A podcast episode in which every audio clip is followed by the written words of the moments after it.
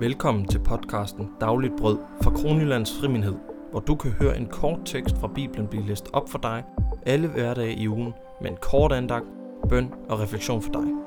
Mit navn er Sebastian Vestergaard, og jeg er din vært.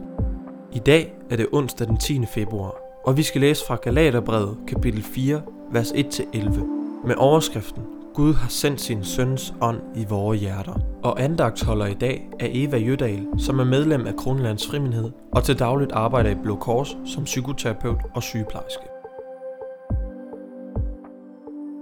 Hvad jeg mener er, så længe en arving er umyndig, adskiller han sig ikke fra en træl, skønt han er herre over alt.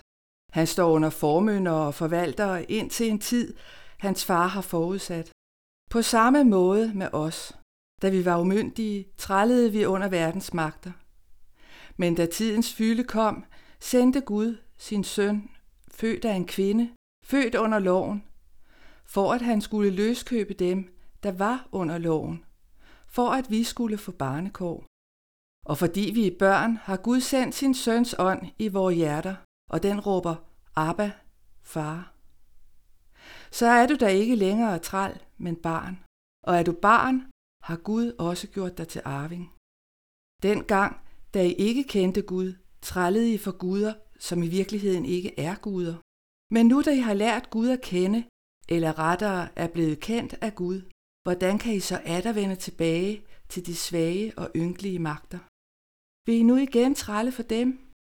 I overholder dage og måneder og tider og år. Jeg er bange for, at jeg er slidt forgæves for jer. Amen. I slutningen af kapitel 3, før den tekst, jeg lige har læst, der skriver Paulus om, hvordan det var før Kristi fødsel, og hvordan det er efter Kristi fødsel. Og det er det, han uddyber i teksten til i dag. Det er tydeligt, at øh, Paulus han er simpelthen frustreret over galaterne. Han siger i vers 8, Dengang da I ikke kendte Gud, trællede I for guder, som i virkeligheden ikke er guder. Men nu da I har lært Gud at kende, hvordan kan I så atter vende tilbage til de svage og ynkelige magter? Situationen er, at galaterne er faldet tilbage til at arbejde på at opfylde loven. De træller under loven. De er slaver og arbejder på at blive Guds børn ved at gøre det rigtige. Og ikke et ondt ord om at gøre det gode. Det er bare ikke det, man bliver et Guds barn af. Man bliver jo ikke sine forældres barn af at gøre det rigtige. Det er jo noget, jeg er, og jeg er dermed deres arving. Så Paulus han skærer evangeliet ud i pap for galaterne. Han henviser til en ganske bestemt begivenhed, nemlig Jesu fødsel. En begivenhed, som historisk er så vigtig, at vi har sat vores tidsregning efter den. Og hvad var det så egentlig, der skete? Jo, Gud sendte sin søn ind i verden, så han skulle leve under samme vilkår som os. Og Gud gjorde det for, at Kristus skulle løskøbe dem, der forgæves kæmper med at opfylde Guds lov, for at de skulle få barnekår. Gud sender altså Jesus for at tage noget fra os, eller sagt på en anden måde, løskøbe os fra at skulle opfylde loven, som der står i vers 4. Og Gud sender sin ånd for at give os noget, nemlig retten til at kalde Gud far, som der står i vers 6.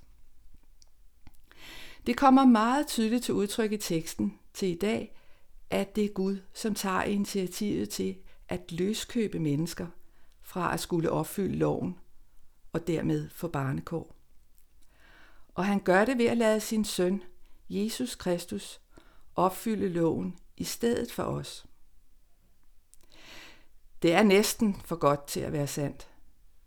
Vi skal ikke føje noget til eller trække noget fra. Gud har selv opfyldt betingelserne for, at vi må kalde ham far. Det betyder, at han længes efter at være sammen med dig og lytte til dig og tale til dig, sådan som han blandt andet gør det i Bibelen. Og husk, det mest smertelige for en far er ikke, når vi ikke har gaver med, når vi kommer til ham. Det aller værste er for ham, når vi slet ikke kommer eller sender arven tilbage.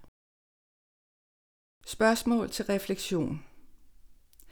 Paulus beskriver, at det ene og alene er det, som Kristus Jesus har gjort, der giver dig barnekår hos Gud.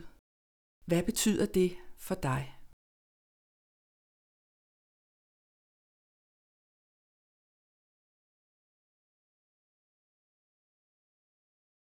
Lad os bede. Evig almægtig Gud og far i himlen. Tak, at vi må bede til dig og tale til dig, som små børn taler til deres far.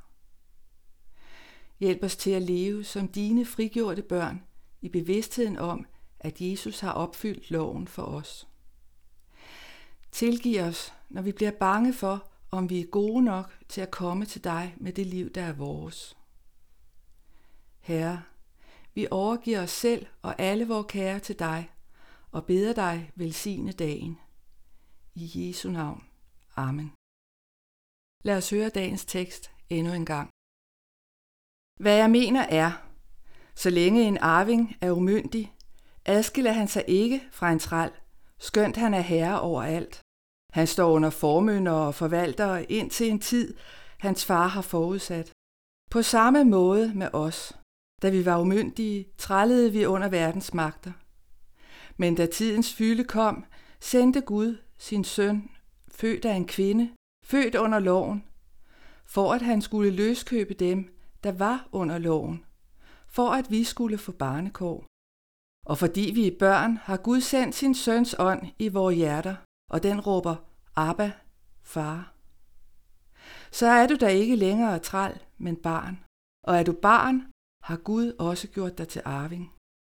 Dengang, da I ikke kendte Gud, trællede I for guder, som i virkeligheden ikke er guder. Men nu da I har lært Gud at kende, eller rettere er blevet kendt af Gud, hvordan kan I så atter vende tilbage til de svage og ynkelige magter? Vil I nu igen trælle for dem? I overholder dage og måneder og tider og år. Jeg er bange for, at jeg er slidt forgæves for jer. Amen.